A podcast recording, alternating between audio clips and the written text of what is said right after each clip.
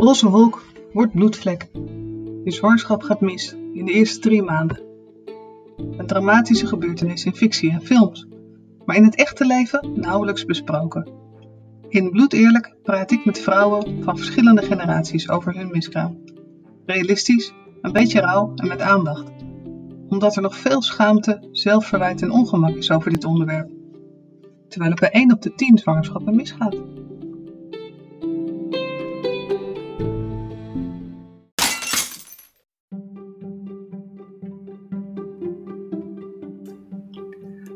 Gast, Mirjam van Krij, schreef drie boeken over miskramen en abortus.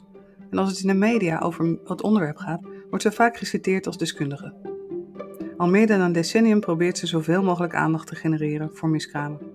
En wat mij betreft verdient ze applaus, zowel voor praktische tips, haar strijd tegen twijfeltaal en haar rol in de opleiding en nascholing van echoscopisten en verloskundigen. Ik ga met haar praten over wat er beter kan en waar we in Nederland eigenlijk al heel goed in zijn. Welkom bij Bloed Eerlijk. Mijn naam is Anja Corbijn. Fijn dat je luistert.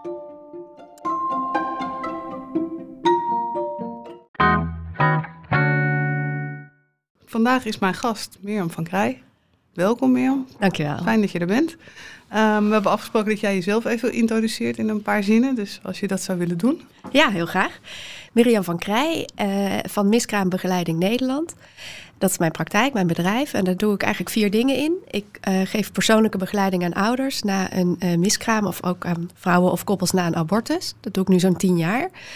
Uh, ik geef nascholingen aan verloskundigen, gynaecologen, echoscopisten over hoe begeleid je vrouwen en koppels met een miskraam nou goed, ook op emotioneel gebied. Um, ik leid mensen op tot miskraamcoach, zodat er door het hele land en ook in Vlaanderen mensen komen waar uh, vrouwen en koppels goed terecht kunnen als ze meer nodig hebben dan de reguliere zorg hè, om met hun verlies om te gaan. En het vierde, ik schrijf er graag over. Dus ik heb intussen drie boeken uitgebracht. Of Campus heeft ze uitgebracht. Uh, vakboeken over begeleiding na miskramen, na abortus en ook een uh, invulboek voor ouders. Um, ja, een persoonlijk boek om in te vullen uh, als ze een kindje zijn verloren in de zwangerschap, hoe pril ook. Um, ja, je zou kunnen zeggen een soort babyboek voor het kindje dat er zo kort was. Ja, dat is mooi. Hmm. Ja, want jouw laatste boek is begeleiding na een afgesproken zwangerschap of abortus. En dat is nog maar net verschenen. Ja, klopt. Dat is in november uitgekomen. En dat gaat echt over um, wat je kunt doen voor vrouwen en koppels die de zwangerschap hebben afgebroken. Um, ja, uh, over de impact die dat kan hebben en de, nou, wat je als professional daarin kunt betekenen voor ze. Okay. Het gaat ook over wat je als professional zelf tegenkomt. Als je hè, dat soort thematiek moet begeleiden en daar misschien zelf ook wat van vindt of ervaring mee hebt. En soms staat dat ook in de weg voor soepele begeleiding.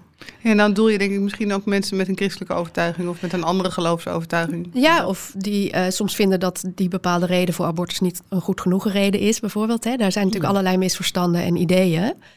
Um, en normen en waarden die, uh, die je ook mag hebben als mens, maar die soms het, um, nou ja, het als professional niet per se makkelijker maken. Nee, exact. Maar die zou je natuurlijk eigenlijk, ja, net als arts moet je, zou je verwachten dat je dat sowieso thuis moet laten. Maar misschien is het moeilijk, omdat het zo... Ja, het is makkelijker gezegd dan gedaan. Ja, precies. En, uh, ze doen natuurlijk hun uiterste best om uh, neutraal of zo neutraal mogelijk te begeleiden. Maar het is ook fijn om daar handvatten bij te krijgen. Of nou ja, daar in ieder geval uh, ook bij stil te kunnen staan. Nou, zeker. Want jij zei ook in ons voorgesprek hè, dat je per definitie niet de medische kant doet. Want daar was ik in het begin een beetje op het verkeerde been gezet. Omdat je zegt, ik begeleid ook uh, gynaecologen en uh, voetvrouwen. Ja. Maar je begeleidt ze vooral met het mentale deel. Ja, hoe zij op psychosociaal vlak hun uh, patiënten in dat geval kunnen begeleiden. Ja. Want hoe, hoe merkte jij toen, toen je hiermee begonnen? Want je bent begonnen in 2011, volgens ja, mij. Echt, echt al, al lang ben je bezig, ja. gelukkig. Ik denk dat dat heel goed is. Maar hoe, hoe kwam je op het idee dat je dacht van nou daar mist echt iets? Daar zit, daar zit een lacune die eigenlijk wel uh, gevuld moet worden. Um, nou, het ging eigenlijk uh, nog een stapje daarvoor dat uh, vrouwen en ook mannen bij mij kwamen met vragen over loopbaan of over gezondheid of over nou, in de relation, relationele, relationele sfeer. En dat het vaak terug te voeren was op een miskraam of een abortus. En ik dacht, ik keer het om. Dus ik ga zorgen. Um, dat als mensen meer nodig hebben om met hun miskraam of abortus om te gaan, dat ik daar de juiste hulp bied. En uh, terwijl ik dat aan het doen was, uh, kwamen er ook veel verhalen van wat zij hadden ervaren in de medische wereld. En ik dacht, ah ja, daar is ook nog een hele weg te gaan. Voor, hè, want je kan niet zeggen, dit is sec medisch en uh, het sociale deel doen ze maar thuis. Dat willen artsen of verloskundigen ook helemaal niet. Maar hoe je dat dan wel goed doet, daar was nog wel een, een gat in te vullen, zeg maar. Of wel een, een wereld te winnen. Een wereld te winnen, Ja, precies. Want het grappige is, uh, of het opvallende, jij zegt van die mensen kwamen niet concreet bij jou met van ik heb problemen die veroorzaakt worden door een eerdere miskraam of van abortus. Dus daar, daar kwam je gaandeweg achter, zeg maar. Of daar kwamen ze zelf achter? Nee, dat, uh, nou nee, in het begin deed ik alles voor iedereen in mijn coachpraktijk. En uh, later ben ik dat gaan omdraaien en heb ik gezegd: als je ooit een miskraam of een abortus had en je merkt dat je vastloopt, uh, kom dan, hè, wees dan welkom. Ja. Ehm, dus, want je kunt natuurlijk niet zeggen: iedereen met een loonbaanvraag uh, moet nog aan de slag met een eerdere miskraam. Hè, zo nee, werkt het precies. niet. Maar ik vraag me of die mensen dat zelf beseften. Dat dat, dat dat ze in de weg zat. Of dat dat gaandeweg naar boven kwam, zeg maar. Uh, ja, dat weten ze niet altijd. Dus daarmee. Nee. Um, uh, kijk, mijn praktijk is daarmee. Uh, sluit aan op mensen die weten dat het met hun miskraam te maken heeft. Dus daar, er zijn ook mensen die dat nog niet weten. En dat ja, is dan zo, zeg maar. Hè? Misschien later. Ja, precies. maar dat kan ik niet voor zijn. Nee, exact. Want ik, ik werd toevallig. Um, ben nu ge, een keer geïnterviewd voor de Libellen. En toen kwam dat natuurlijk ook naar boven van dat ik. Uh, nou, bij mij was het natuurlijk lang geleden, echt al twintig jaar geleden of zo. Maar dat je er toch af en toe last van hebt. En ja. uh, ik merkte bij mezelf toen ik het teruglas ook nog een zekere gêne. Dat ik dacht van ja, is dat nou, ben ik nou super overgevoelig uh, sneeuwvlokje dat ik daar nog steeds last van had? En het is ook niet zo dat je daar diep onder gebukt gaat. Maar je merkt wel dat daar iets zat wat ik gewoon eigenlijk niet verwerkt had. Ja. Gewoon, gewoon niet. Ja, en soms is daar ook pas later in het leven ruimte voor. Ja, dat uh, merk ik ook heel erg bij mensen die ik spreek. Naar aanleiding ja, van deze podcast. Dat, dat het niet lukt als je nog midden in dat proces zit van... Uh, dat, dat kind moet er nog komen, ja. zeg maar, voor je gevoel. Nee, precies. Dus dan ja. komt het later in het leven. Soms, nou ja, als het jongst levende kind naar de kleuterschool gaat... of, of op kamers gaat zelfs, dat er dan ruimte komt. Ik heb ook ooit een, um, een oma gehad, zeg maar, die zei... ja, het speelt nu bij mijn uh, dochter of schoondochter... En nu voel ik zelf wat het met mij toen gedaan heeft. Dus daar. Uh, ja, een soort herbeleving. Ja, dat het dus een soort signaal is om daar ook weer mee aan de slag te gaan. En vroeger werd er natuurlijk anders mee omgegaan dan nu. Daar zit al wel wat verschil in. Ja, gelukkig. Uh, ja, gelukkig. Ja, precies. Ja, daar merkte ik het zelf ook aan. Als iemand dan, toen ik jonger was, zeg maar, en ik had dan, mijn kinderen waren dan vijf, zes, tien. Uh, maar als collega's dan vertelden dat ze in verwachting waren, dan had ik echt zelf zoiets van, oh, oké. Okay goed. Mm. en als die dan twintig weken waren of zo, dan vond ik het leuk. Voor die tijd vond ik het helemaal niet leuk. Ja. Wel ja. voor hun natuurlijk, maar ik werd er zenuwachtig van. Ja, ja, zo is, ja dat resoneert heel snel mee. Hè? Ja. Ja. En je wil dat niet overdragen, dus je gaat daar dan niet over praten, omdat ja, dat vind ik ook nog steeds echt niet gepast. Weet je, dat is, dan maak je iemand bang of je maakt iemand zenuwachtig. Of, ja. Dus dat is gewoon echt niet het moment of de plaats om, om die herinneringen eens even op te halen. Nee. Maar dan loop je er dus wel een beetje uh, mee rond, zeg maar, terwijl het, heel, terwijl het niet van jou is. Ja, en ook weer wel van jou. Ja. Hè? Dus iets wat bij jou dan resoneert of wat geraakt wordt. Dus daarom is het ook goed, nou ja, zo'n artikel in de Libellen of uh, tijdschriften en kranten die er meer over schrijven. Dat is echt goed voor iedereen die daar ooit mee te maken heeft gehad. Ja, precies. Want dat is uh, ook een beetje jouw missie. Hè? Je, je hebt zoiets van als ik ergens kan optreden of ik kan er iets over vertellen, dan doe ik dat. Ja, doe ik dat heel graag Ja. met liefde. Want het helpt. Uh, voor de meeste mensen is het echt helpend om erover te praten. En soms is daarvoor nodig dat je er eerst over leest of over hoort voordat je zelf stap Ja. zet om, er met, hè, om iemand in vertrouwen te nemen of daarover te praten. Dus dat draagt bij. Maar het is lastig, hè? Want ik merk het ook met deze podcast. Dat mensen zeggen, ja, we willen er wel wat aandacht aan besteden. Maar er moet wel een aanleiding zijn. En dan dacht ik, ja, ja 23 miljoen miskramen per jaar. Ja, Best wel veel. ja, ja. ja. Maar er is een aanleiding nodig. Ja, een en ik- haakje. Ja. Journalistiek snap ik dat wel. Ik bedoel, dat is ook mijn vak. Maar andersom denk ik ook wel van ja, je zou dat eigenlijk gewoon continu eh onder zoveel tijd eens onder de aandacht moeten brengen. ja, dat is wel een idee. Maar zo werkt het dan toch niet. Jammer? Ja, het, is net, het was net zoiets als met borstkanker, weet je. Je moet je borsten checken. Ja, dit zijn ook van die dingen die je... ehm, elke keer komt er natuurlijk een nieuwe generatie vrouwen die kinderen gaat krijgen. En die weten het elke keer weer niet. Ja, Dus je wil dat eigenlijk gewoon om de paar jaar zou je dat eh, in zo'n soort cyclus eh, willen hebben. of om de paar maanden. Ja, om een paar maanden, ja. zou nog veel beter zijn. Ja, Ja, want ehm, ja, we hadden het dus al even dat jij opleidingen geeft, hè, of dat je een nascholing doet. Mhm. Ehm, en in ons voorgesprek hadden we het er even over dat er weinig aandacht is hè, voor miskramen in de opleiding. ja. ik geef nu gastcollege bij eh, alle verloskundeopleidingen in Nederland en Vlaanderen. Uh, maar een gastcollege van anderhalf uur bereidt een verloskundige nog niet voor op hoe groot aandeel het in haar werkpraktijk is. Hè? Een op de vier vrouwen maakt een miskraam mee. Uh, voorzichtige schatting is dat. Uh, en verloskundigen hebben daar wekelijks mee te maken. misschien wel dagelijks, een beetje afhankelijk van de grootte van de praktijk.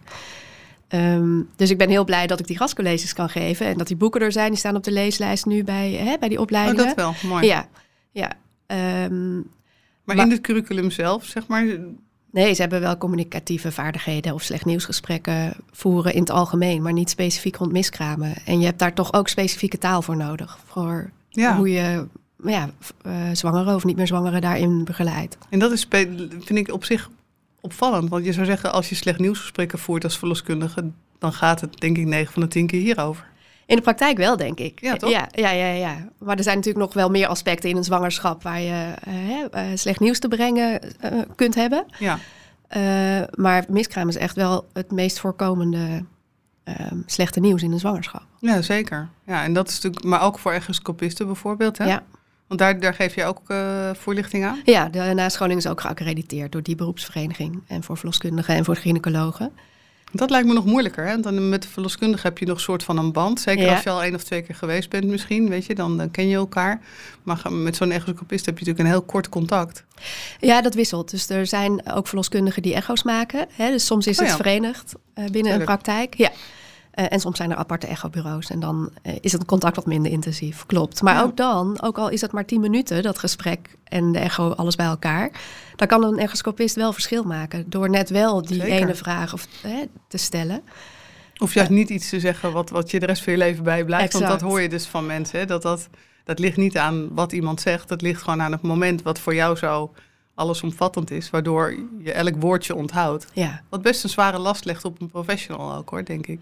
Ja, uh, dat is ook zo. Want je weet dat het nou luistert. Ja. Uh, maar als je daarin goed voorbereid bent als professional en, en wat alternatieven hebt waarvan je weet van nou die vallen over het algemeen beter, uh, dat helpt. En dat maakt een um, echoscopist of een verloskundige ook wat nou ja, ontspannender in het contact. Of dan kan je er meer met aandacht zijn, waardoor het contact ook weer beter wordt. Hè? Dat, werkt, dat versterkt elkaar. Wat is een voorbeeld, zeg maar, wat, wat bijvoorbeeld bijna altijd wel goed valt? Um, nou, uh, heel concreet hoe je dan het slechte nieuws brengt. Vroeger werd nog wel gezegd, er is geen hartactie. Ja, dat Ja. sluit niet echt aan op hoe, hoe je dat als zwangere beleeft. Hè? Uh, dus om te zeggen, helaas het kindje, uh, uh, het hartje van het kindje klopt niet meer. Of helaas het hartje klopt niet. Dat sluit veel beter aan op de beleving. Ja, dan, dan hoef je niet eerst na te denken over wat zegt iemand nou Wat bedoelt ze nou met dat jargon? Ja. Ja, En uh, nou, dat zit ook in kleine dingen als ik zie het hartje niet kloppen, is minder duidelijk dan het hartje klopt niet. ja. Hè, dus twijfeltaal wil je ook uitbannen, want ouders zijn al zo aan het zoeken naar elke ja hier grijpt je daar aan vast natuurlijk, Toch? inderdaad. Ja. Ja. of het, ja, ik heb dat ook wel eens gehad. Dat iemand zei, ja, het, is, het ziet er niet uit zoals het eruit zou Dat. moeten zien met negen weken. Dat je denkt, ja, dus en? Komt het nog goed? Is het Ja. erg? Ja. Hebben we nog tijd? Is het een twijfelgeval? Ja. En dan bedoelen ze eigenlijk, het is een soort opmaat voor het slechte nieuws. Maar dat heb je helemaal niet in de gaten. Nee, nee, want je bent in alle Nee. staten. Hè? Dus het luistert Ja. nou. En nou, we weten ook dat de woorden maar een deel is hè, van de communicatie. Een deel zijn, maar, maar wel een belangrijk deel op zo'n moment. Net wat jij zegt, dat je dan... Alles wordt op een weegschaaltje gelegd ook. Hè? Zeker Ja. achteraf. Ja. Ja, en jij geeft ook praktische tips, hè? Want dat vond Ja. ik ook heel mooi. Zoals bijvoorbeeld een, eh, altijd een foto meegeven. Ook als mensen daar niet om vragen. Ja, ja, precies. Dus de echofoto meegeven, omdat dat een tastbare herinnering is aan het Ja. eind van de zwangerschap. Eh, een andere praktische tip die, nou, die vind ik echt cruciaal. Ik heb hem niet zelf bedacht, hè, maar ik heb hem eh, uit het veld eh, en ik vind dat elke verloskundige of echoscopist dat moet weten. Is als, als, ze dus, als de echoscopist heeft vastgesteld, de mevrouw gaat een miskraam krijgen, dat ze zegt, het is misschien een gekke tip, maar als je het wil opvangen, plas door een vergiet. Ja, de vergiettip. Ja, Ja. dat is bij mij in, in meerdere podcasts al, al langsgekomen, inderdaad. Ja. Eh, Ja, die is, Eh, die is cruciaal, want ik had hem zelf ook graag gehad. daarom. Ja, Ja, je verzint dat niet Nee. op zo'n moment. En het is zo logisch. En het is achteraf zo logisch, ja. Ja. Dus iemand moet dat tegen je zeggen. Nou, dan maar liever en de verloskundige en de echoscopist. En zeker ook, ja, en dat is een raar praatje, maar goed, dit heet bloedeerlijk, dus we zijn bloedeerlijk. Omdat die toiletten natuurlijk veranderd zijn ook. Ja, Vroeger had je nog wel eens van die toiletten, dan bleef het soort van liggen. Dan kon je Ja. er nog iets mee. Maar nu zijn het van die waterclosets. En, en je zit in de reflexbewegingen. Dat, had Dat. ik zelf tenminste. Dat ik echt doorgespoeld had voordat ik me gerealiseerd had wat er gebeurd was. ja je Ik staat vond het op- zo stom van mezelf. Maar het gaat te snel.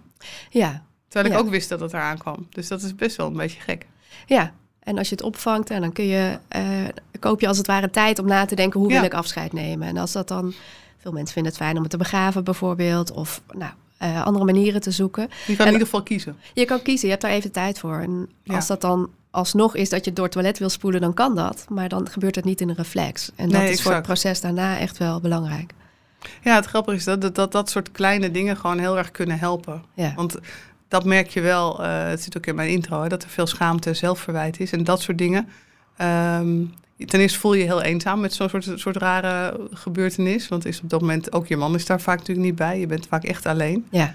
Uh, en, en als je dus zoiets doet, dan schaam je je ook een beetje. Dat je denkt, ja, wat er dan was, dat heb ik dus nu doorgespoeld. Ja, ja. dat voelt echt zo ontzettend suf. Ja, nou, ik heb ook wel vrouwen gesproken. Een vrouw zei, ja, ik heb mijn kind naar het riool gestuurd. Ja.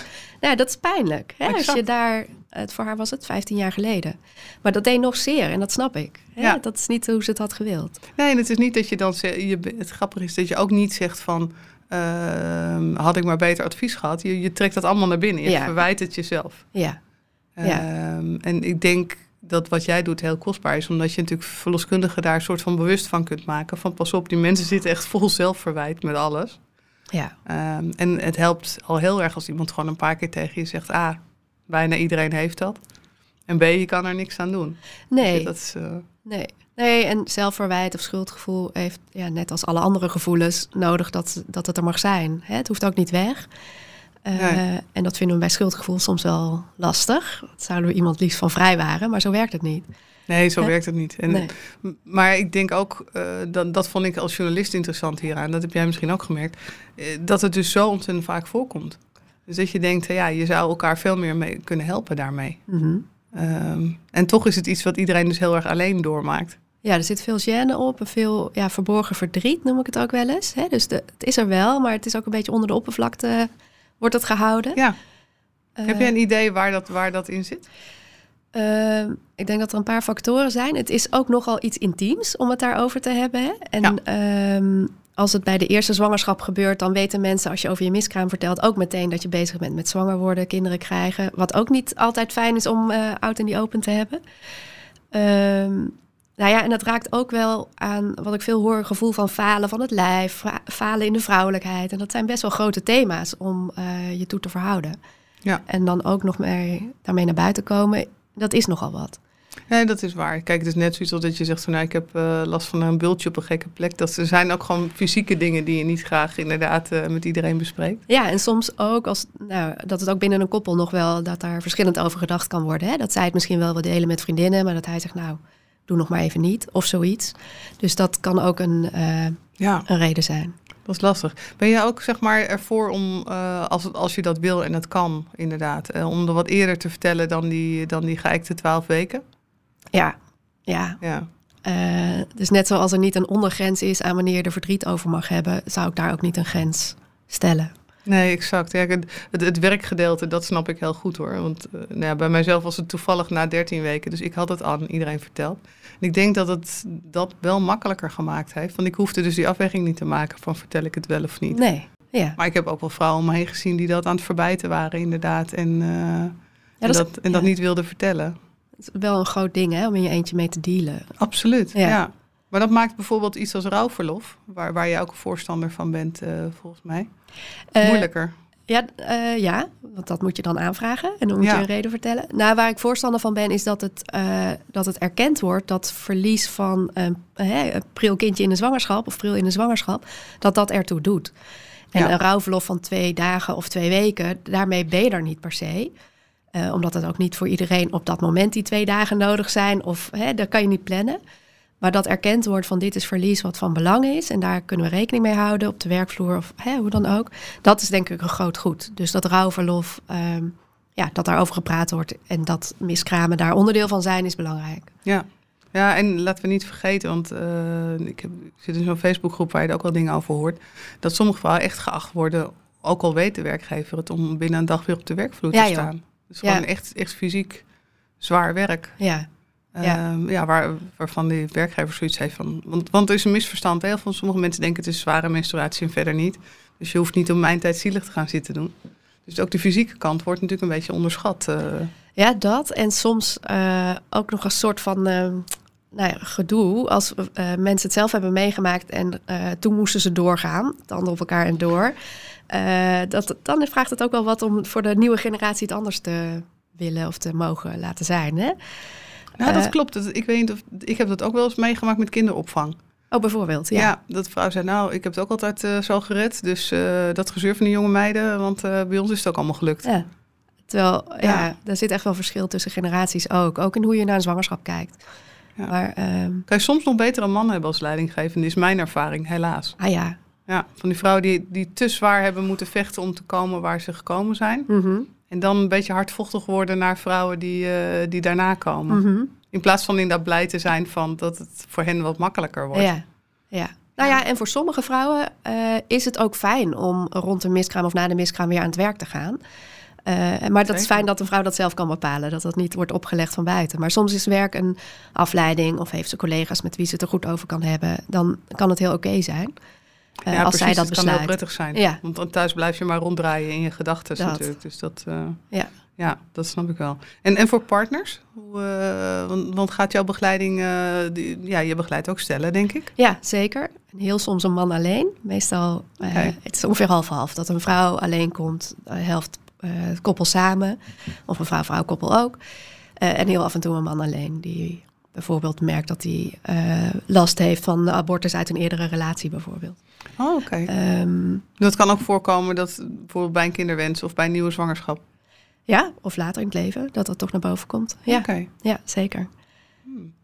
Ja, dat kan ik me wel voorstellen. Zeker voor een man is een abortus natuurlijk ook wel uh, in dat opzicht. Zeker als hij het wel gewild Dat, had, zeg maar. ja, dat vooral. Ja. Ja, en dan, ja. Nou goed, dus Hmm. dat is ook voorstelbaar dat dat impact heeft. Hè? En, en uh, abortus heeft nog meer lading of taboe om zich heen dan miskramen. Dus om, ja, met wie praat je daarover? En toch zie ik ook wel een parallel. Want ik denk dat de, de parallel wel is van mag je verdriet hebben. Dat Ja. zag ik ook in jouw eh, boekaankondiging inderdaad. Hè? Dat mensen het idee hebben van ja, je hebt het soort van zelf gewild. Uh, dus mag je dan wel verdrietig zijn? Ja, Ja, terwijl dat is natuurlijk... Ja, ik denk dat dat losstaat van elkaar. nou dat is ook zo. Er zijn eigenlijk ehm, drie, drie ja, lagen waarop dat misverstand leeft. En dat is al eerst van uh, hoe kan je in deze tijd ongewild zwanger worden. Daar zit al schaamte op. Hè? Hoe, hoe is je dat kunnen gebeuren? Hoe, het tweede is dan van hoe heb je zo'n beslissing kunnen nemen om het af te breken. En dan de derde, hoe heb je dan verdriet om iets wat je zelf besloten hebt. Uh, maar dat zijn misverstanden en hè, dat, dat, dat helpt niks. Uh, ik denk dat ik het jou ook vertelde, die vergelijking met een scheiding. We Ja. vinden het tegenwoordig gelukkig ook logisch of begrijpelijk dat iemand die besloten heeft tot een echtscheiding daar ook verdriet van mag hebben. Uh, hè, Maar de- vroeger was dat niet zo. Nee, was toch? het eigen schuld. Maar het is net zoiets als dat je ouders overlijden. En stel je vader of moeder is eh, diep in de negentig. En dan word je ook geacht om minder verdriet te hebben dan als ze overlijden als ze 60 zijn. ja, ja, Terwijl ik zeg tegen mensen altijd, want mensen zeggen dat zelf ook wel eens van ja, ze was ook al 87. Ja, maar het was je moeder, hè? ja, Ik bedoel, je hebt maar één moeder en als je die verliest, ja, verlies je je moeder. ja, precies. Ja, Maar dat is misschien wel fijn, hè? Dat mensen er langzaam wel iets meer aan wennen. A, dat, dat je hulp kan zoeken, dat je hulp mag zoeken, ongeacht waarvoor. ja, En ook dat verdriet niet meetbaar is en niet vergelijkbaar. ja, ja, precies. Dat ieder recht heeft op zijn persoonlijke beleving daarin. Ja. Uh, en dat, Nou, en het dat het niet automatisch wil zeggen dat je het dus heel erg gaat uitspinnen. Of dat je er dus weken, jaren, maanden mee bezig bent. Nee, Want dat kom ik nu ook wel eens tegen. Dat mensen zeggen van ja, nou ja weet je, moet dat allemaal weer. Uh, uh, terwijl, mm, ja, een van mijn vorige gasten, Madelon van Uffelen, die, die ook coach is, uh, ook bij jou opgeleid volgens Ja, mij. ja. Die zei ook van ja, maar soms ben je met twee sessies al klaar. dat is nou, ook zo. dat is eigenlijk best wel weinig, Ja, vond ja. ik. Nou ja, als je weet wat je doet daarin, dan kan je dus in korte tijd heel veel uh, bereiken. Of heel veel ja, resultaat bereiken, waardoor mensen weer verder kunnen met hun leven. En, en met Ja. vertrouwen en weer goed functioneren, thuis en in hun werk. Uh, ja, ik, uh, ik wil er ook helemaal geen drama van maken. Dat is helemaal nergens voor nodig. Uh, Nee, maar exact. het is wel wezenlijk. Het is wel van belang. En als dat, nou, als het erover kan gaan, of als het ja, de plek heeft in het gezin die het mag hebben, dan uh, is er rust en uh, kunnen mensen weer verder. Ja, want wat een belangrijk aspect is, denk ik, hè, als we het dan hierover hebben, is ook is preventie. Mm -hmm. Uh, en ook bijvoorbeeld, wat voor rol kan dat spelen in een volgende zwangerschap? Mm -hmm. Stel, je hebt dat niet goed verwerkt. Wat, wat zijn dingen die jij tegenkomt die, ja, waar je dan tegenaan loopt. Ja, ik begeleid vrij veel uh, zwangere vrouwen die zeggen: Ik heb eerder een miskraam gehad, of meer dan één. En ik wil, voordat dit nieuwe kindje geboren wordt, wil ik daar hè, naar die eerdere verliezen kijken. Want dan komt dit kindje vrijer ter wereld. Ja. Uh, nou, wat ze bijvoorbeeld melden is dat ze geen vertrouwen hebben in deze zwangerschap. Uh, ik had vanochtend nog een mevrouw aan de lijn en zei: Ja ik kreeg een dopper mee van de Doppler, sorry, van de verloskundige. ik, had ook gelijk een beeld in mijn hoofd met logo. Om eh, de hartslag van het kindje te kunnen meten totdat ik het voelde bewegen. Dus er is veel angst in de nieuwe zwangerschap. Uh, dat was gedaan om haar gerust te stellen. Ja. Ja. ja. Oh, dat is lief. Ja, dat is heel lief. En uh, misschien heeft ze nou, op zijn minst ook baat bij een gesprek over, hè, of een paar vragen over hoe zij het beleeft. Ja. Um, Um, dus die angst die kan vrij lang volhouden, ook uh, tot rond de geboorte, tot na de geboorte. Dus ik hoor ook veel van vrouwen die zeggen, ja, het moet toch ergens... Uh, ik ben bang dat er toch iets mis is, wat ik dan niet door had, hè, of wat ik niet door heb. Uh, en dat kan het ook ingewikkeld maken om te hechten aan het nieuwe kindje. En um, nou ja, dat maakt de zwangerschap minder onbezorgd en minder rooswolkig. Wat je ja. iedereen natuurlijk zou gunnen, maar zo werkt het niet per se dan. En in het ergste geval kom je in een, in een postnatale depressie terecht? Kan, ja, kan. Ja. Uh, kan ook andere oorzaken hebben natuurlijk, maar dat kan. En ik denk ook dat uh, traumatische bevallingen deels terug te voeren zijn op eerdere verliezen. Hè? Als je een okay. miskraam hebt meegemaakt en je hebt een, een dood kindje uh, geboren zien worden, voelen worden, hoe pril ook, dan is een volgende geboorte kan lading hebben. Hè? Als ja, niet... exact. Dus dan komt ontsluiting misschien niet op gang of... Ja, kan van alles zijn. Ja. Kan van alles zijn. Ja, of dat ze bang is van tevoren, hè, waardoor het ook krampachtiger is om daar naartoe te leven. Wat ook zonde is voor de beleving. Ja, bevallingsangst is denk ik sowieso iets wat meer uitgesproken zou mogen worden. Hè? Want vrouwen vinden ook daar weer zijn we ontzettend streng voor onszelf. Hè? Van uh, ja, dat, iedereen kan dat. Ja. Dus waarom zou je. Maar ik weet echt wel uit mijn omgeving ook mensen die geen tweede kind hebben, omdat ze gewoon als ze dood waren om dat nog een keer te doen. Ja, ja. Nou ja, en um, ik hoor ook, ja, ik ken ook verhalen van vrouwen die zeggen: ik durf niet een nieuwe zwangerschap aan, want ik ben bang dat het weer misgaat in een miskraam. Hè, dat het in de miskraam eindigt en dat verdriet kan ik niet nog een keer aan. Dus dat zijn best grote, ja, dat is grote impact. Ja, het zijn uh, grote thema's. Vervolg. Ja. En merk je ook dat, uh, ja, we zitten natuurlijk in een bevolking die, die langzaam ouder wordt, hè? Sowieso. Ik geloof dat een grootste deel van de bevolking is al 50 plus momenteel. Oké. Okay. Dat is echt al een end. maar ja, mensen worden ook op latere leeftijd, uh, gaan ze kinderen krijgen. Ja. Um, betekent, dat betekent waarschijnlijk ook dat het aantal miskramen gaat toenemen. Ja, die statistieken zijn zo. Hè? Hoe ouder een moeder is, hoe meer kans op miskramen. Uh, wat ook een verschil is, is dat er nu meer dan vroeger focus is op zwangerschappen. Hè? Meer tussen haakjes gepland ja. wordt. Uh, en niet van, nou kijk, ja, je merkt al hoeveel kinderen je krijgt. Nee, we willen er twee en uh, graag in het voorjaar. Nou, ik overdrijf nu iets. Nee, maar, maar ik begrijp niet wat je bedoelt. Liever ja. niet met kerst, maar ja. uh, voor, de, voor de zomervakantie of zo. Ja, ja, zoiets. Dus dat betekent dat er ook meer focus op zwanger zijn en zwangerschappen is. En de testen worden steeds uh, preciezer om steeds eerder te doen. Dus daar um, zit ook meer focus op, ook van ouders zelf dan vroeger. Um, dus ook meer focus als het misgaat. Vroeger was een miskraam ook wel eens een opluchting. Ja, tegenwoordig ook nog wel. Ja. Hè, in sommige gevallen is het echt, uh, nou ja, was het anders nog ingewikkelder geworden misschien. Exact. Uh, ja. En dat kan ook naast elkaar bestaan. Dat het en een opluchting is en verdrietig. En, nou. Ja, ook daar natuurlijk weer inderdaad. Nou, wat, je, wat je ook wel merkt is dat sommige uh, hulpverleners die hebben, zijn ervaringsdeskundigen en die mhm. nemen dat mee. -hmm. uh, maar er zijn natuurlijk ook heel veel mensen die dat niet hebben. Dus ik heb een uh, verloskundige en een klinisch uh, verpleegkundige die daar elke dag mee bezig waren, maar die dat zelf niet meegemaakt hadden. Dat -hmm. gaat voor jou ook op, hè? Je ja. bent gelukkig geen ervaringsdeskundige. Ja, ik ben twee keer zwanger geweest. Ik heb ja. twee kinderen. Ja, precies. Dus dat, je, weet, je weet hoe het voelt als het allemaal goed gaat, zeg maar. Ja. Maakt dat voor jou verschil, denk je? Um, nou, daarom vond ik het in het begin wel gek dat ik dit werk te doen heb. Maar het voelde ja. echt als noodzaak van, nou, dit, hè, met hart en ziel zet ik me hiervoor in. Um, een uh, vrouw die ik begeleide, die zei: Ik vind het juist fijn dat jij het niet zelf hebt meegemaakt. Daardoor is er nu alle ruimte voor mijn situatie, mijn verhaal. Ik dacht, nou, dat is een mooie manier om er naar te kijken. En, ja, je uh, gaat ook niet onbewust vergelijken met situaties. Bijvoorbeeld. Uh, dus ik, um, het, het, maakt me ergens vrijer om met dit onderwerp bezig te zijn, omdat dat. Um, ja, dat snap ik wel. Ja, nou, dus voor mij is het geen issue. Um, maar jij merkte volgens mij ook, merkte ik in het voorgesprek, dat je zei hoe, lang je, hoe langer je ermee bezig bent, hoe meer aspecten je eigenlijk ontdekt. Hè? Want je ja. denkt van hé, hey, maar hier, is nog, hier moet nog iets gebeuren of daar. Ja, het is zo'n breed onderwerp als je erin duikt. Ja. Uh, daarom vond ik ook dat ik hè, het boek rond abortus te schrijven had. Want daar veel vrouwen kennen ook beide. Eén op de vier vrouwen maakt een miskraam mee. één op de vijf een abortus. Dat zijn forse aantallen. Dat is veel, ja. Ja. Dan moet ik zeggen, dat laatste getal ken ik ook niet. Nee, dat, kennen de meesten niet. Nee. Omdat er ook hè, nog... Ik ken ze in mijn omgeving wel hoor. Want- En dat zijn dan nog de mensen die eh, het verteld hebben of ja, waarvan ik het weet. Ja, precies. Zullen er ongetwijfeld nog meer zijn. Ja. ja. Ja. Dus nou, dat is ook zo'n gerelateerd onderwerp. En zo zijn er nog wel meer als je erin duikt. Ook eh, nou ja, vruchtbaarheidstrajecten bijvoorbeeld, waar eh, tussen haakjes mislukte terugplaatsingen zijn. Dat is ook verlies in de zwangerschap. Heel pril. Het lijkt me nog moeilijker, omdat je dan echt eh, weet van, nou ja, weet je, dit had potentie. Ehm, ja, weet je, als, als het natuurlijk gaat, dan is het nog een deel onzichtbaar. Dat je niet precies weet wat het nou was of wat er misgegaan was. Of, eh, ja, het lijkt me als het een, eh, een bevruchting is eh, in een schaaltje en je weet gewoon zeker van dat is allemaal bij elkaar gekomen. Daar is een embryo. Dan, en ja, dat lijkt me nog best wel lastig. Dat is ook lastig. Ja. Ja, dat is ook lastig. En eh, net wat jij eerder ook zei, zeker als je dan in een traject zit en je gaat door, wat ik ook snap, hè, als de tijd ook begint te dringen, dan is er eh, vaak wat minder ruimte om stil te staan bij het verlies. Ehm, maar dan ga je door naar de volgende behandeling. Ja, Ehm, maar ook dit is verlies wat ertoe doet op enig moment. En eh, nou ja, dus er is een wereld, als je erin duikt, is het een grote wereld. Ja. maar medisch gezien vind ik het toch ook wel interessant. Want je hoort wel getallen van, eh, van Ja. zeven of acht keer.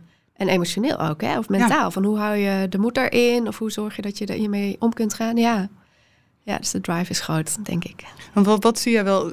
Kan het zijn dat mensen soms een soort luikje dicht doen in hun hoofd? Of dat ze een soort op, op slot... Dat kan om, om eh, hè, als eh, prima copingmechanisme of overlevingsmechanisme. Ehm, dat kan zeker. Hè, met, ehm, zei jij dat nou? Eh, oog op de bal houden? Ja, Iemand zei oog dat op de laatst? bal, dus je hebt een doel voor ogen en eh, nou, daarvoor gaan. Eh, dus dat kan. En dat, ja, daar, dat, dat keur ik ook niet af of zo. Dat is een prima manier om ermee om te gaan als dat voor jou werkt. Maar op een gegeven moment vaak merken mensen wel dat het dan toch naar boven komt en dat ze er iets mee willen. Is dus dat is iets wat altijd gebeurt? Of is dat gewoon bij sommige mensen komt het weer boven? Of kan je dat Ehm, niet voorspellen? Ehm, ja, eh, ik geloof niet dat er onderzoek naar gedaan is, maar ik denk dat het altijd ergens naar boven komt. Je hoort soms ook verhalen op een sterfbed bijvoorbeeld, dat het dan naar boven komt. Of, eh, hè, ik weet bijna zeker dat er geen onderzoek naar gedaan is. Nee, precies. Er is nog een wereld ook daarin te winnen. Ja. Eh, maar je hoort wel veel verhalen van, nou, het is een beetje een zijpaadje, maar ook ehm, verzorgingsafdelingen voor dementerende vrouwen, dat ze daar een babykamer inrichten, zodat vrouwen met dat babytje wat er zo kort was, kunnen zitten. En afscheid Eh, kunnen nemen nog even. Ja, voor hun gevoel. En dat gaat dan vaak over kindjes die wel voldragen zijn, hè, of jonggestorven peutertjes. Ja. Ehm, maar dat dat dan weer boven komt. En ik, nou, ik geloof dat dat ook met prillenverlies zo werkt. Ja, dat is. eh, ik denk als je gaat dementeren of je verliest een beetje je, je contact met het heden, zeg maar, dan ga je natuurlijk terug op wat wezenlijk was. En, en dat is denk ik waarom het mij ook zo interesseert, zowel als mens als als journalist. Dus dit is een van de wezenlijke dingen, is Ja. Ja, ja toch je, jezelf voortplanten kennelijk en, en hoe dat werkt. Ja. Eh, ja, en dat gaat over leven en dood. En ja. eh, dat zijn nogal thema's. Ja. Dat zijn nogal dingen inderdaad. Wat, wat, waar ik nieuwsgierig naar was, want jij bent nu nou, echt al een fix aantal jaren werkzaam in dit veld. eh, Mhm. Maar wat verbaast jou nou eigenlijk nog steeds na al die jaren? Ehm, wat mij verbaast. Ehm, op twee kanten, denk ik. Eh, soms denk ik, nou, ik heb bijvoorbeeld die vergiettip. Die heb ik nu toch al te pas en te onpas genoemd. Dat weet iedereen, maar dat is dan nog niet zo. Dus dat het nog steeds wel belangrijk blijft om te vertellen wat er kan, in praktische zin ook. Hè? Dus dat dat- herhalen, herhalen, Ja. herhalen. Ja, dat ik ja, soms denk, nou, eh, nou ja, dat, Eh, dat, dat aan de ene kant. En aan de andere kant, als ik met ouders werk, ehm, ben ik ook elke keer weer geraakt hoe veel lichter het kan worden als het erover mag gaan. En eh, nou, ik doorloop dan een vijf stappen programma met ze. En daarin, ehm, ja, dan, ja, ik ben dan niet verbaasd, maar wel eh blij verrast of zoiets dat het weer werkt. En dat het Ja. zoveel kan betekenen voor ze. En denk, ah, fijn, dat gun ik, gun ik iedereen die dat heeft meegemaakt. Want het leven wordt er lichter van. Ja, dat, dat is het een beetje. Dat is, dat is ook waarom ik graag deze podcast wil doen. Omdat ik denk van ja, het, het, eh, het kan zo ontzettend helpen. Ja, dat. Ja. En het cliché ook van je bent niet alleen. Of eh, de meeste mensen voelen zich zo dat je denkt, nou ja, eh, lekker, eh, lekker Ja. belangrijk. Maar, Ja. En toch helpt dat. dat. Dat zit in ons als mensen kennelijk. Dat je dat je, je daar lichter door voelt, inderdaad. Ja, ja, dus het weten doet al iets. Hè? Dus dat jouw podcast er is, of dat er Ja. artikelen zijn. Dat normaliseert al dat je er zelf ook af en toe aan denkt of mee bezig bent. Ehm, ja, dat. En ik denk dat het ook voor de generaties na ons helpend is dat er nu een, ja, een doorbraak misschien wel is in openheid hierover.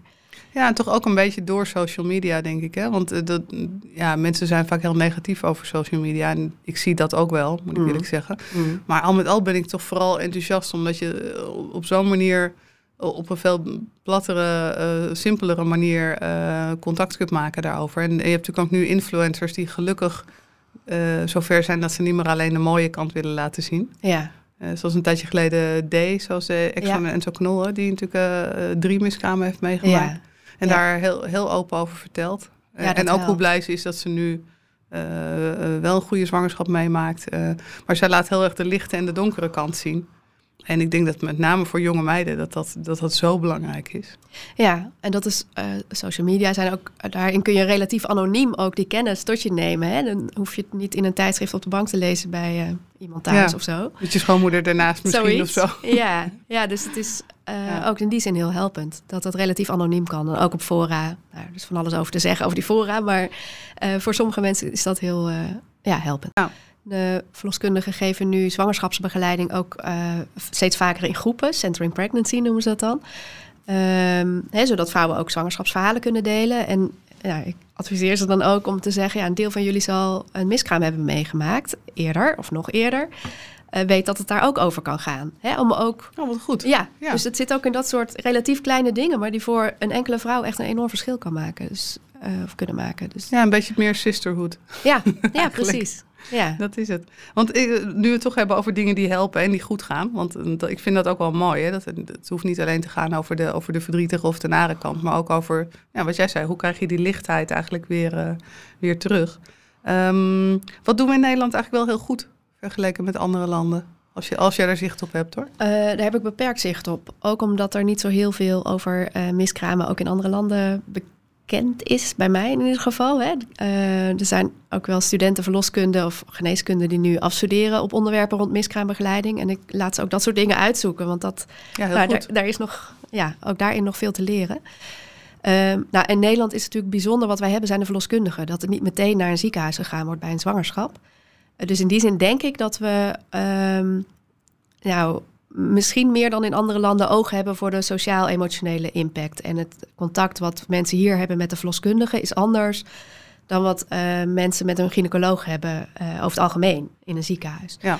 Ehm, dus misschien doen we het helemaal nog niet zo slecht daarin. Hè? En dan nog is er eh, nog een weg te gaan. Ja, ja ik zie wel, in Engeland is bijvoorbeeld, heb je de Miscarriage Association. En die doen, ja, dat vergeleken met Nederland is dat wel veel uitgebreider. Daar heb je een hele serie ook over vaders die vertellen. Daar hebben ze eh, Bereavement Day of daar doen ze allerlei projecten. Er zijn filmpjes, er zijn medische dingen die je kunt zien. ja.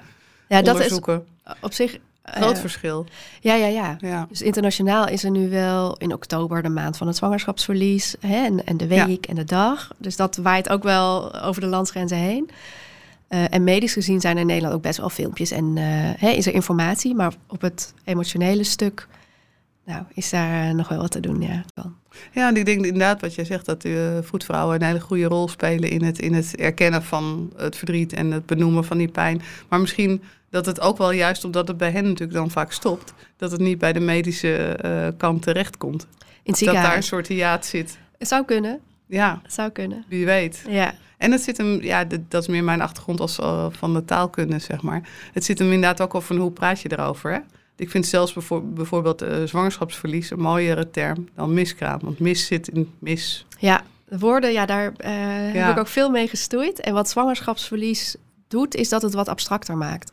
Dus ik heb het Ja, liever over waar. het verlies van een kindje in een zwangerschap... of verlies van een pril kindje in wording, zoiets. Maar dat is zo'n mond vol. Ja, Uh, en mensen googelen op miskraam. dat dus is vandaar waar. dat ik dat woord toch gebruik. Maar ja, ik ken ook de makken en ik ben het met je eens. Ja, dat is waar. Ik gebruik het ook, omdat dat is inderdaad waar je op, op, op Google, dat is hoe het heet. Ja, Maar ik heb zelf wat mijn hekel aan het woord miskraam krijgen. Want ik denk, ja, je krijgt juist niks. ah ja, precies. Ah, dat is wel een goeie. Dus dat is Ja, ook je een maakt beetje, het mee. Ja, je maakt een miskraam mee, Ja, zeg maar. ja, dat is een goeie. Ja. Dan zeg jij, die heeft een miskraam gekregen. Ik denk, nou, Ja, ja, ja.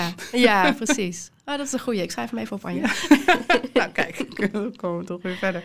Nou, als we het daarover hebben, want wat, eh, wat is jouw ervaring als je het nou niet hebt meegemaakt? Hè? Je bent iemand die aan de zijlijn eh, dat meemaakt. Je bent de vrouw, de, de moeder, de, de, de dochter, de schoonmoeder, collega, vriendin.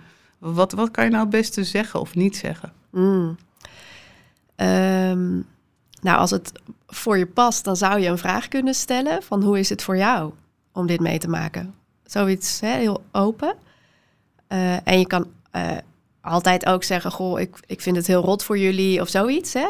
Um, Volgende keer beter is nooit zo goed. Dat is niet zo'n beste. Nee, nee, nee. Nee, nee en uh, nou, wat ik ook al in die scholingen met verloskundigen bespreek, van je hebt tenminste al een kind of je bent nog jong. Dat zijn geen goede zinnen, behalve als die mevrouw daar zelf mee komt. Als ze zegt, nou gelukkig heb ik al een kind, ja, dan mag je dat gerust beamen. Ja, fijn, je hebt gelukkig al een kind.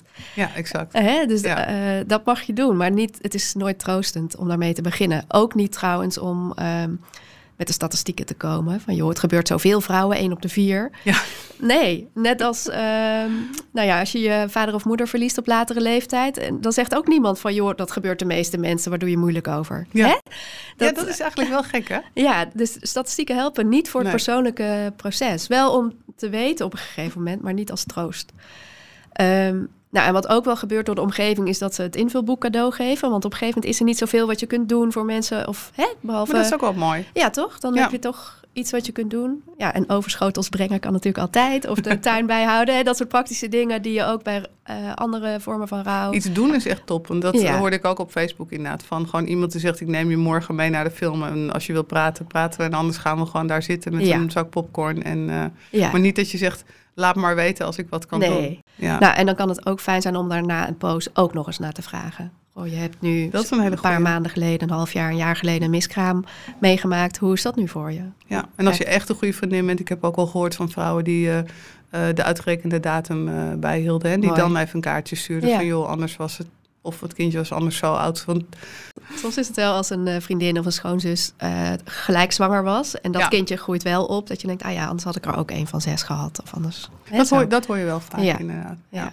Ja. Dus de- ja, ben je zo attent en onthoud je dat, dan is dat natuurlijk ook een heel mooi gebaar om te doen. Ja. Ja. Ja, ik denk dat dat hele, hele nuttige dingen zijn om te doen. Mm. Ehm, is, is er nog iets waarvan jij zelf zegt van nou, daar zou ik het nog even over willen hebben? Of dat zou ik nog aan willen stippen? Ehm, nou, het is een beetje een stokpaardje van mij, maar ik vind het belangrijk dat ouders hun andere kinderen hierover vertellen.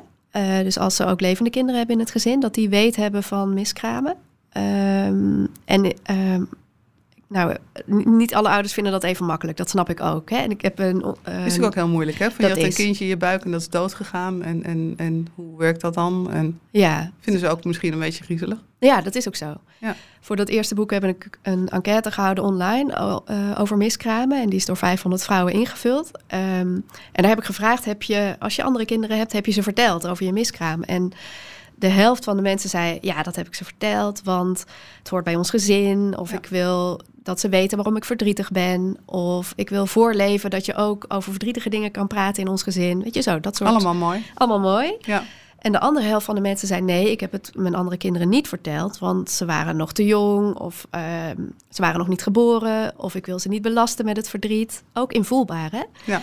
Eh, maar driekwart van die groep zei, eh, ik wil het ze wel ooit vertellen. En dan wordt het lastig, want wat is, wanneer is dan ooit? ja, wanneer is ooit? En kinderen voelen zich dan ook een beetje een soort van bedroog. Of zo, van, waarom mogelijk. wist ik dat niet? Of zo. Ja, mogelijk. Dus eh, om dat voor te zijn, als ouders mij vragen, moet ik het mijn peuter, mijn kleuter vertellen, zeg ik altijd ja. En ik heb een stappenplannetje gemaakt om ze daarbij te helpen. Kunnen mensen gewoon downloaden op miskraambegeleiding.nl slash stappenplan. Ehm, want dan ben je zelf voorbereid. En het is ehm, vaak, kijk, kinderen, hoe jong ook, ze staan vaak dichter bij leven en dood dan wij volwassenen. Dus de lading zit vaak meer bij de ouders dan bij de kinderen. Ja. Ehm, nou En je ja. merkt ook hoeveel ze aan kunnen. Hè? Want als ze nieuwsgierig zijn, stellen ze vragen. En als ze dan zeggen, oh, ik ga verder met de Duplo, dan is het klaar. Dat is ook goed. En dan Ja, komen ze er goed. later op terug. Ja. Eh, Ja. Bij dat stappenplan vind je ook prentenboeken. Dus voor sommige ouders is het fijn om een prentenboek te lezen met de kinderen, zodat het onderwerp ja, bespreekbaar is. Eh, dus nou, voor ouders die dat willen, Ja, dat is goed. ja. En, je merkt wel dus, van die existentiële vragen soms bij kinderen. Wel, Zeker als het dicht op elkaar heeft gezeten. Mijn kinderen hebben dat ook wel gezegd. Van, ja, maar als dat goed was gegaan, dan was ik er niet geweest. nee, dat klopt. Ze vinden dat heel lastig. Dat is toch ook Want bijzonder? ze vinden het naar dat jij verdrietig bent. Maar, maar ze, ze zijn wel blij dat ze natuurlijk er zelf eh, er zijn. Dus je ziet bij hen bijna die radartjes van... ben ik dan op een vreemde manier niet blij dat het is misgegaan. En dat is niet aardig van mij. Dus, dus er komt een rare... Ja, maar dat kan je als ouder zelf ook hebben, toch? Ja. Dan denkt, ja, ik ben verdrietig om dat, maar ik ben blij met dit kind. En eh, doe ik dan niet de een tekort of de ander tekort? Ja, Dus is zit je weer in die, een nieuwe vorm van schuldgevoel Ja, erbij. precies. Maar kinderen vinden dat een, een, een eh, eh, als vooral als ze wat kleiner zijn, een lastige eh, rekensom, zeg maar. ja, om te dat kan. maken. Ja, ja, en ik hoor ook wel van ouders die zeggen, oh, mijn jongst levende kind is nu heel blij dat het ook een grote zus is. Bijvoorbeeld, omdat er Oh ja. daarna nog een miskraamkindje was.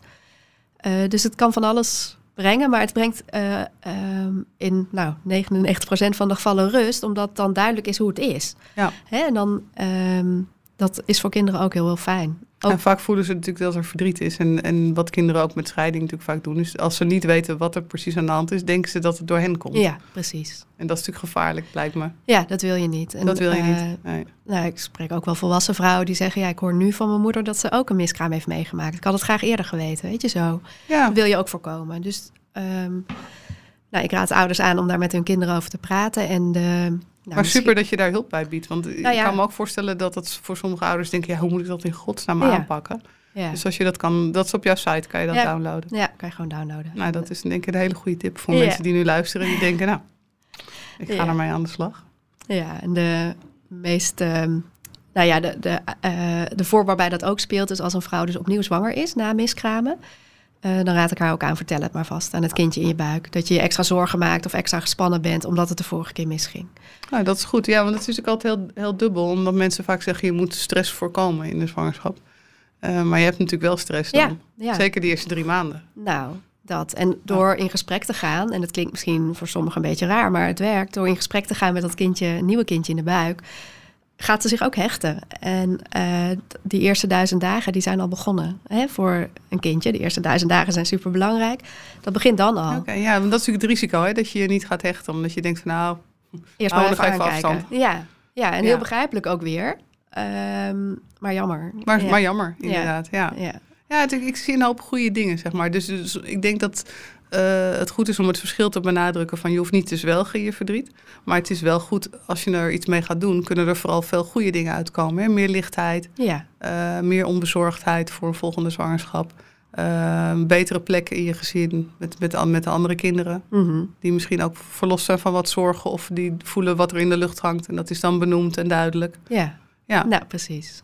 Ja dus nou, ik, ik ben hartstikke blij dat je bent gekomen om dit te vertellen. Dank je wel. Graag gedaan. Graag gedaan. Fijn om je te spreken hierover. Oké. En nou ja, en, ehm, de site van Mirjam, die, ehm, kijk hoor, heet miskraambegeleiding.nl. Mhm. Ik zal ook in de, bij de podcast eh, pagina kun je daar eh, op doorklikken. En nou ja, zodra je googelt op miskraambegeleiding, dan, dan kom je eigenlijk al eh, naar boven in de leertervaring. Dus ja, nou, en misschien nog fijn om te weten dat op die site ook alle coaches staan die ik heb opgeleid. Dus als mensen een miskraamcoach in de buurt zoeken, eh, kunnen ze daar ook vinden wie er bij hen in de buurt zit, die dan ook met het vijfstappenprogramma werkt. Dus dan weet je dat je een, eh nou, een een goede... goed opgeleide coach hebt. Nou, Precies. dat lijkt me een hele goede toevoeging. Hartstikke bedankt voor je komst naar de studio. Graag gedaan. Leuk.